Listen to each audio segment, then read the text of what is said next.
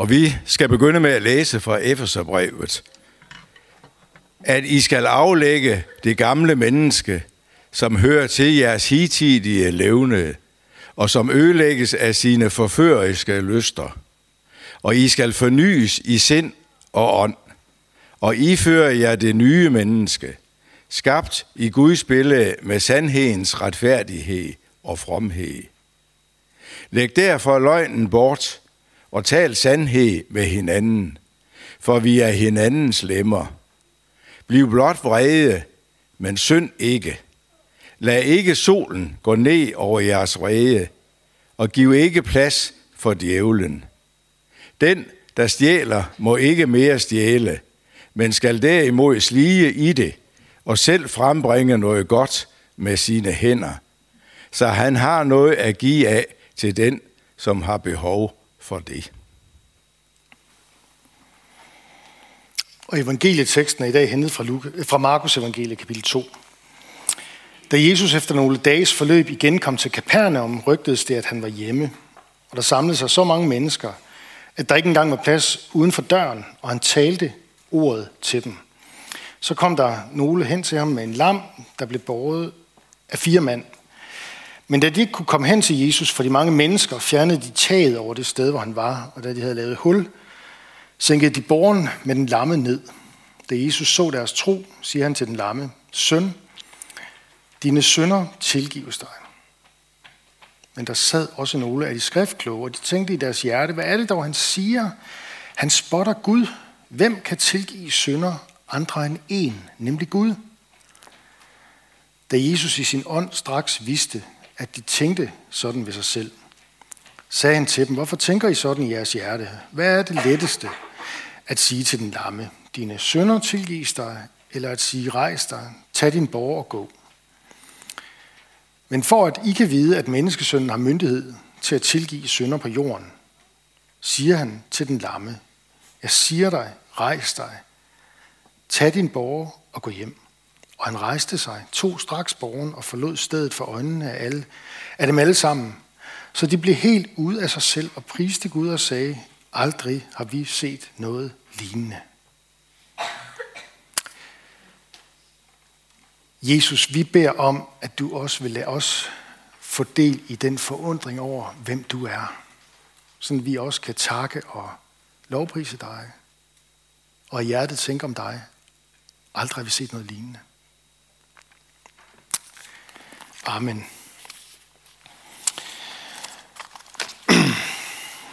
ja.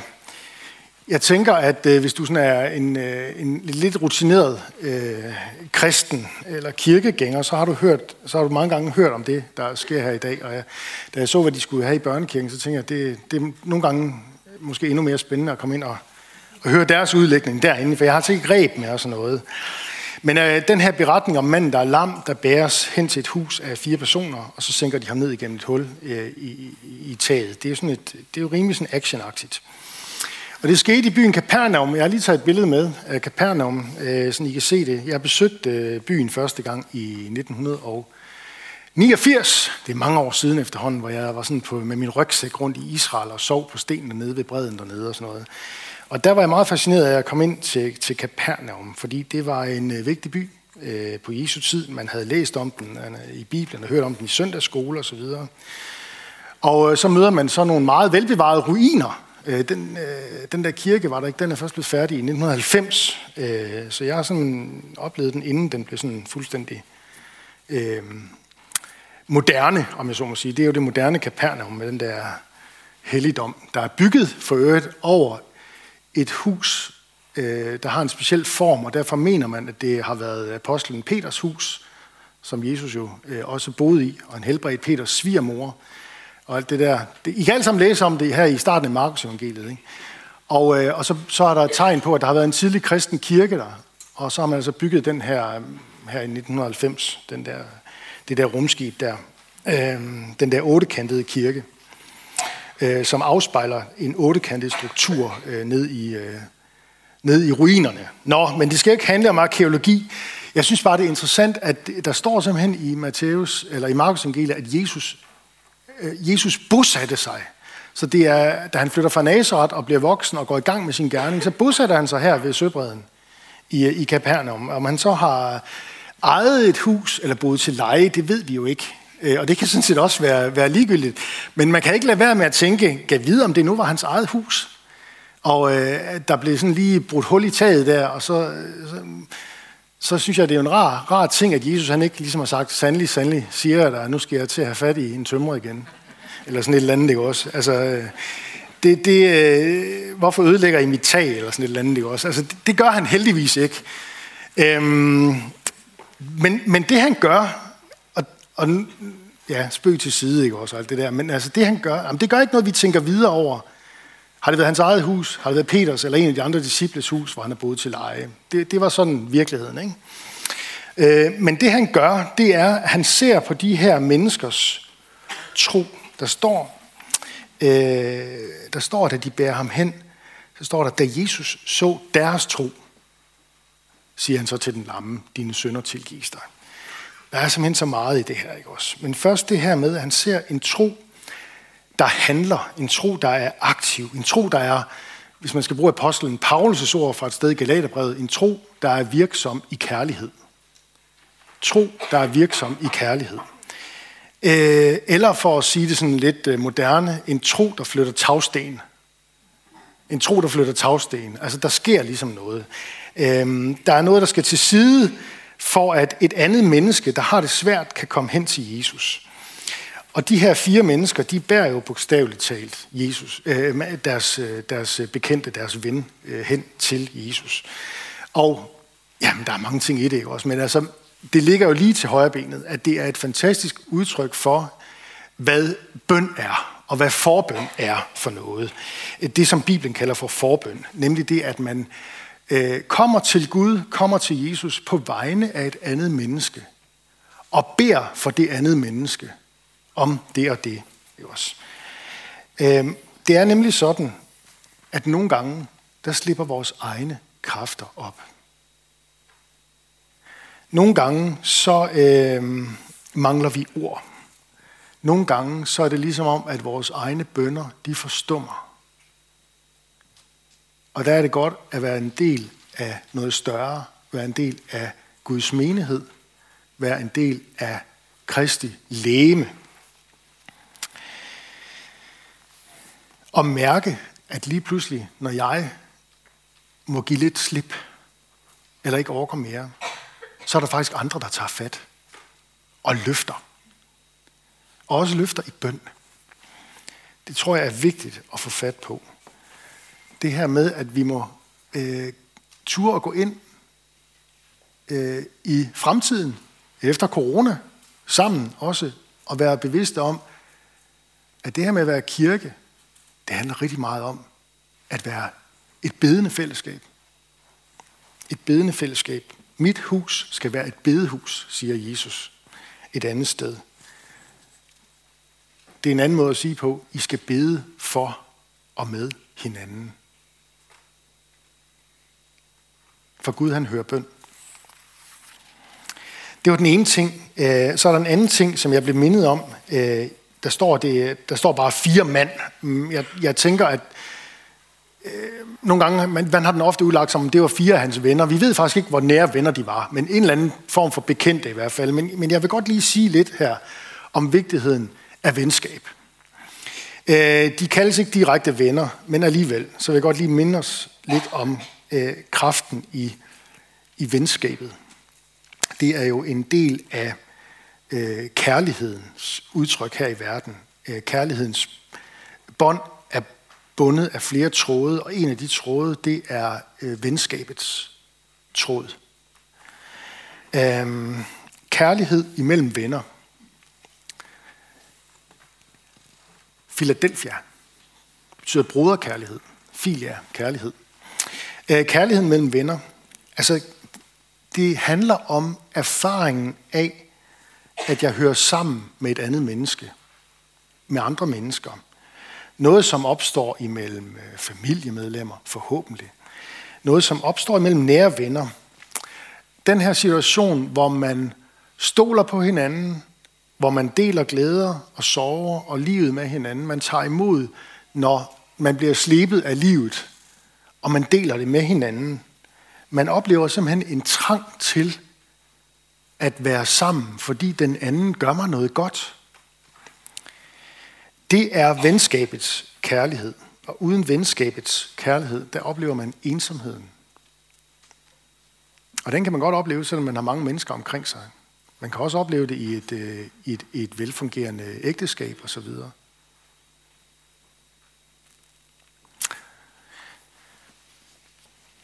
Uden venskabets kærlighed, der oplever man ensomheden. Jeg tænker, det var godt, manden her havde nogle venner. Det var, det var et godt venskab, det der. Nå, tilbage til situationen i huset. De sænker borgen ned, og jeg har lige taget et billede med. Altså, det er så ikke, det er jo bare sådan en illustration, ikke også? Men altså, har vi ikke et billede der? Jo, så kan I lige sådan følge lidt med. Det er sikkert fra en eller anden Jesus-film eller sådan noget, ikke også? Jesus, han ser deres tro, står der. Og han ligger der og er på borgen, og han er lam, og det er derfor, han er båret derhen. Men han ser vennernes tro, og så ser han manden, og så er det ligesom om, at ligesom med farisæerne, der står om det der med farisæerne, der begynder at brokke sig, og så står der, at Jesus i sin ånd vidste, at de tænkte sådan. Så har der altså også været et eller andet, han i sin ånd vidste, at det her menneske, den her lamme mand, der er noget andet, vi lige skal have fat i først. Der er noget andet, han har brug for.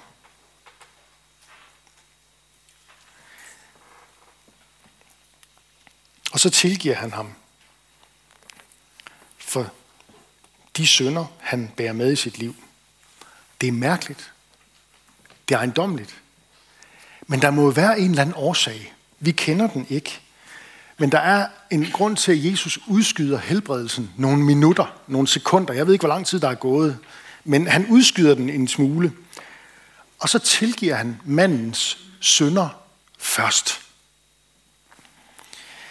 Han ser altså nogle grunde, som vi ikke kender til. Men han ser, at der er et menneske her, der har brug for tilgivelse. Det er ikke så moderne, men hvor er det dog et almen menneskeligt vilkår. Jeg vil ved med, at det kender du også rigtig godt til. Der har nogle ting, der har været nogle ting i det her menneskes liv, som Jesus han valgte at gå ind og sige, det her det skal vi lige have gjort op med. Der er noget, der skal tilgives. Der er noget i dit hjerte, der er tungt. Noget, du bærer på selv.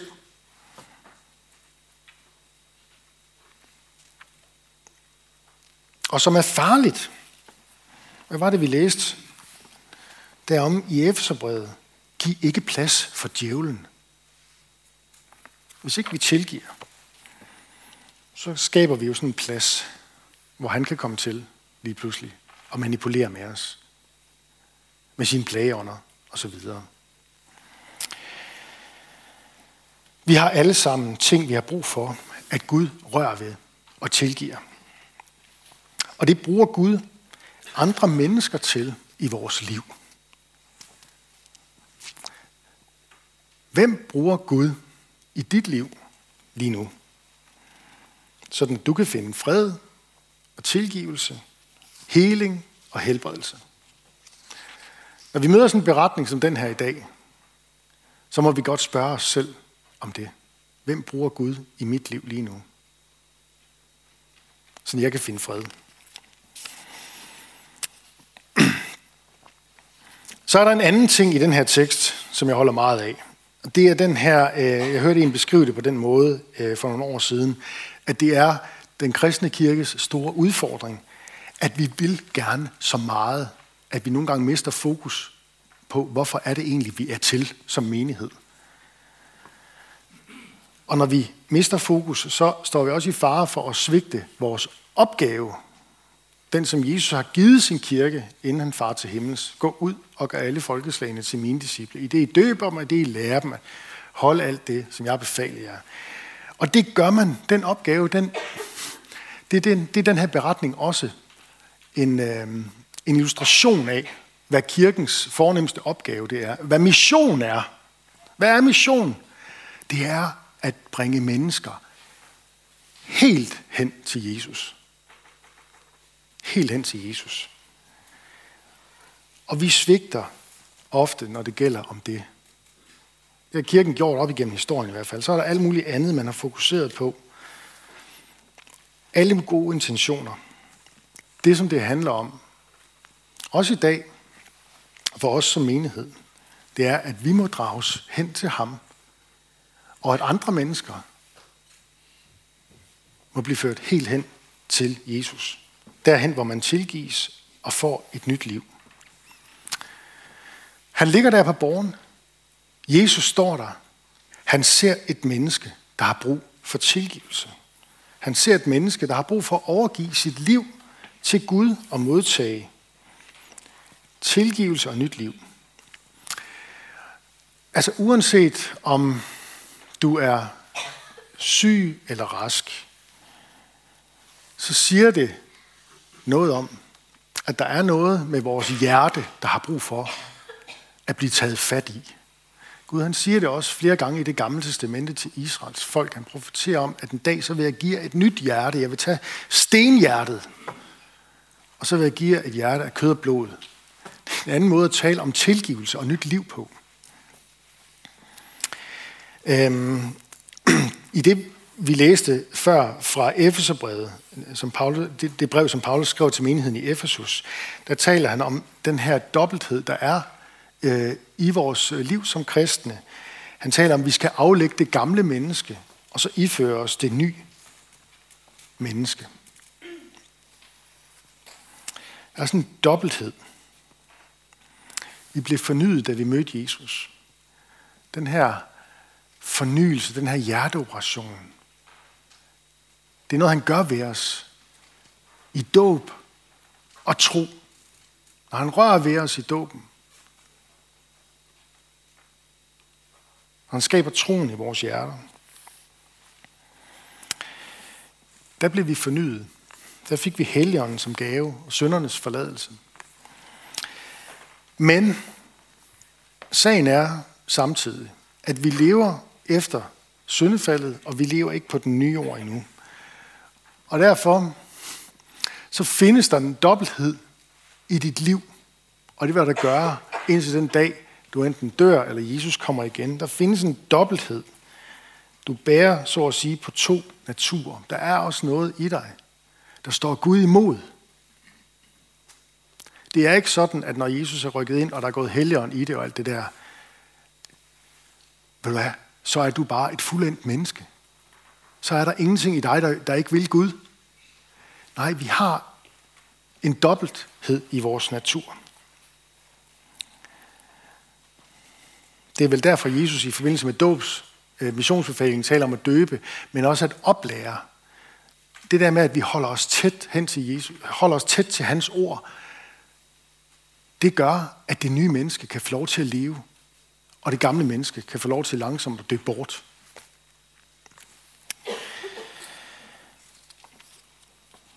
Så kommer vi til helbredelsen. Rejs dig, tag din borger og gå. Gå hjem, siger han til ham. Helbredelserne, det er en del af øh, selve kernen i det, Jesus øh, kom for at gøre.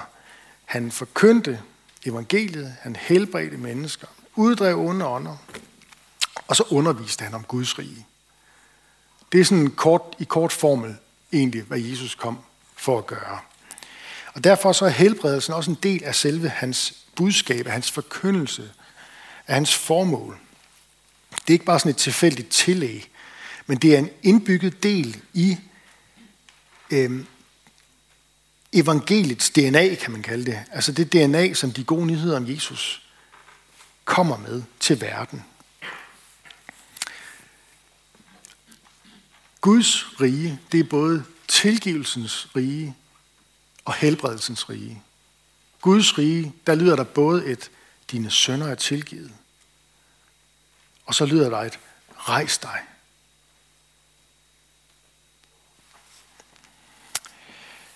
Og der møder vi altså i dag Jesus som den, der slipper begge dele løs.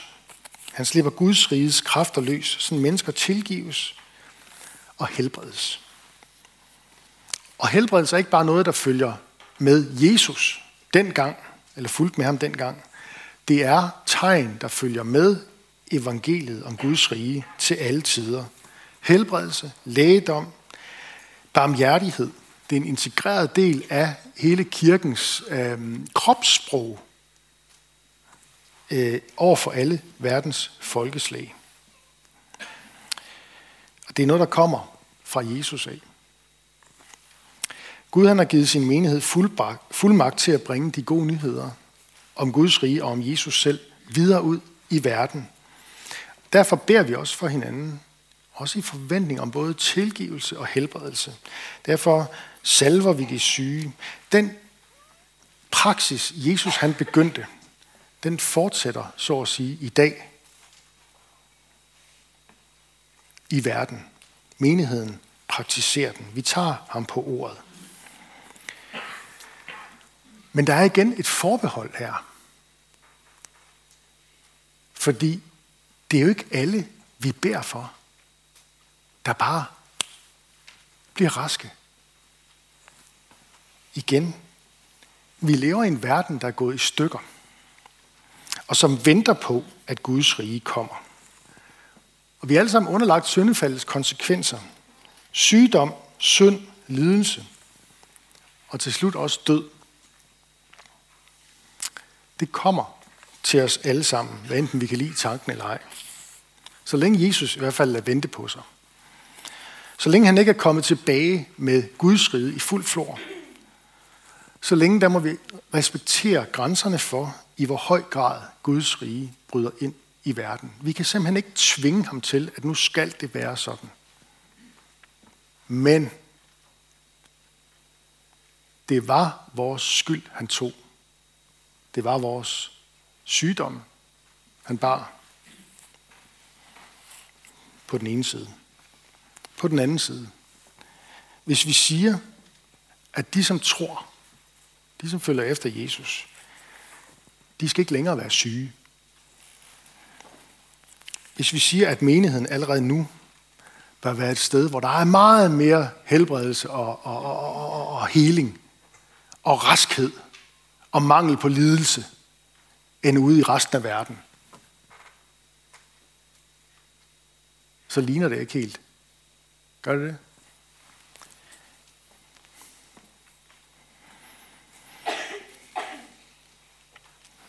Hvis vi siger, at det er os, der misforstår Guds kraft, og hvis vi bare tager os sammen, eller beder nok og længe, så skal det ske. Hvad så?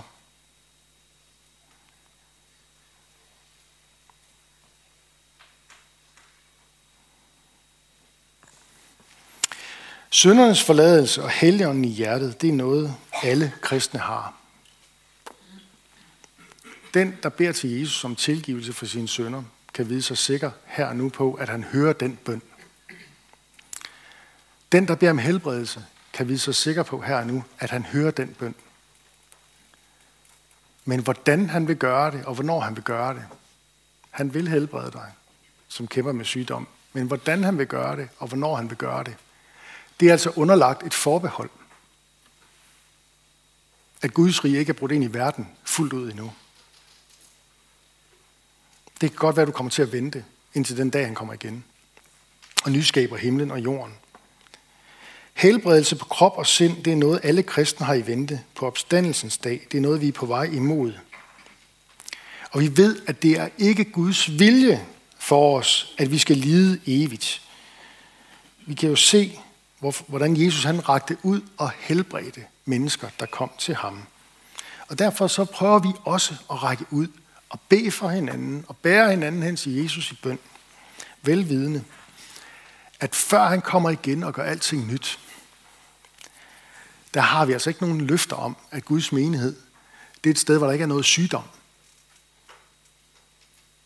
Men, ellers så skulle vi jo slippe hinanden løs ude på hospitalerne og se, hvad der sker derude. Ikke?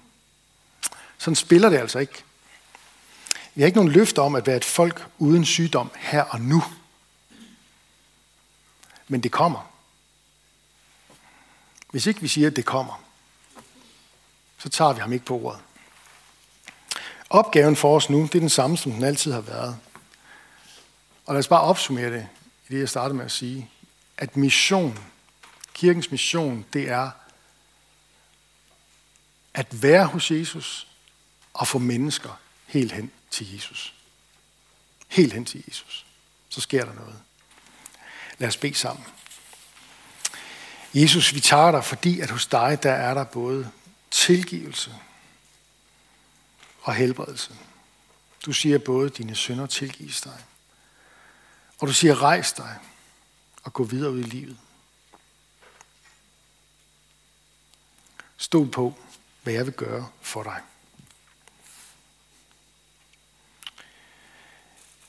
Vi tager dig, fordi at du udruster os med nådegaver til fælles gavn og opbyggelse.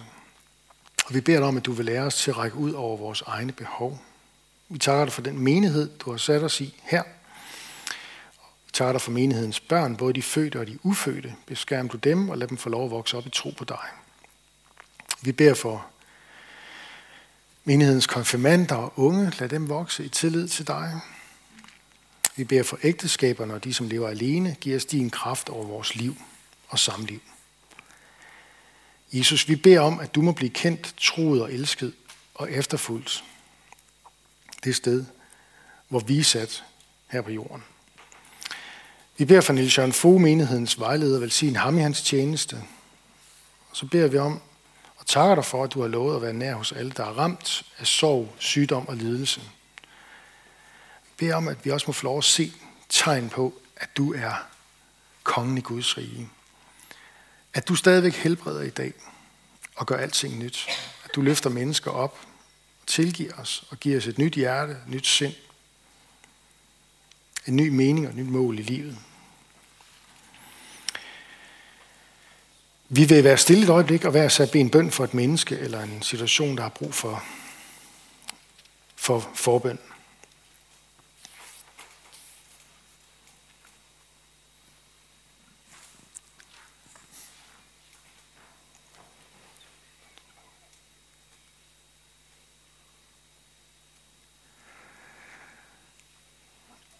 Vi vil bede dig for Karoline Siersbæk, som er rejst ud herfra til Tanzania. Bed om, at du vil sige hende i hendes ophold dernede. Lad hende være et, øh, et lys for dig. Lad hende være en god ven for de mennesker, hun møder på vejen der.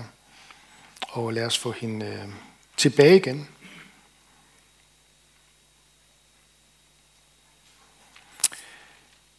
Vi beder for de kristne rundt om i verden, som lever der, hvor der er krig og ufred. Dem, som forfølges øh, på livet øh, for dit navns skyld. Giv dem frimodighed. Vi beder om, at øh, lyset fra dig, Jesus, måske skinne i blandt denne verdens muslimer, så de omvender sig og lærer dig at kende som den eneste sande Gud. Vi beder om, at den tid snart må komme, hvor de jødiske folk ser dig som Messias og omvender sig i glæde. Vi beder om Jerusalems fred. Vi beder om, at de gode nyheder er, der må få fremgang i Danmark. Vend vort folks hjerte, vend vores hjerter til dig. Vi bekender vores medansvar for kirkens og folkets forfald. Vi bekender vores mangel på tro, lydighed og kærlighed. Vi beder for alle dem, der er blevet betroet magt og autoritet. Hjælp dem og os til at værne hinanden imod uret og vold. Og kom så snart og tal dit almægtige skaberord ind over vores liv ind over denne verden. Kom og gør alting nyt. Det beder vi om i dit navn. Amen.